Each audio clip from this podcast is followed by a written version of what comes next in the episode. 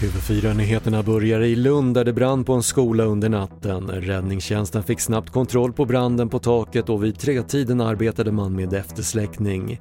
Polisen har spärrat av ett område runt byggnaden för en teknisk undersökning. Så till södra Stockholm där en man i 25-årsåldern hittades skottskadad i ett bostadsområde i Sätra igår kväll. Polisen som söker efter en eller två misstänkta gärningsmän säger att mannen ska ha varit vaken och talbar när han fördes till sjukhus.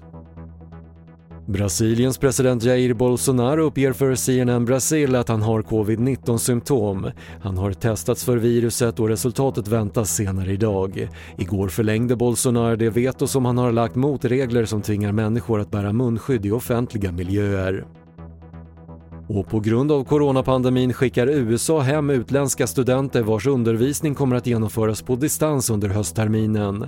Enligt landets gränsmyndighet kommer inte heller nya studentvisum att utfärdas om det inte handlar om undervisning på plats. Det var det senaste från TV4 Nyheterna. Jag heter Patrik Lindström.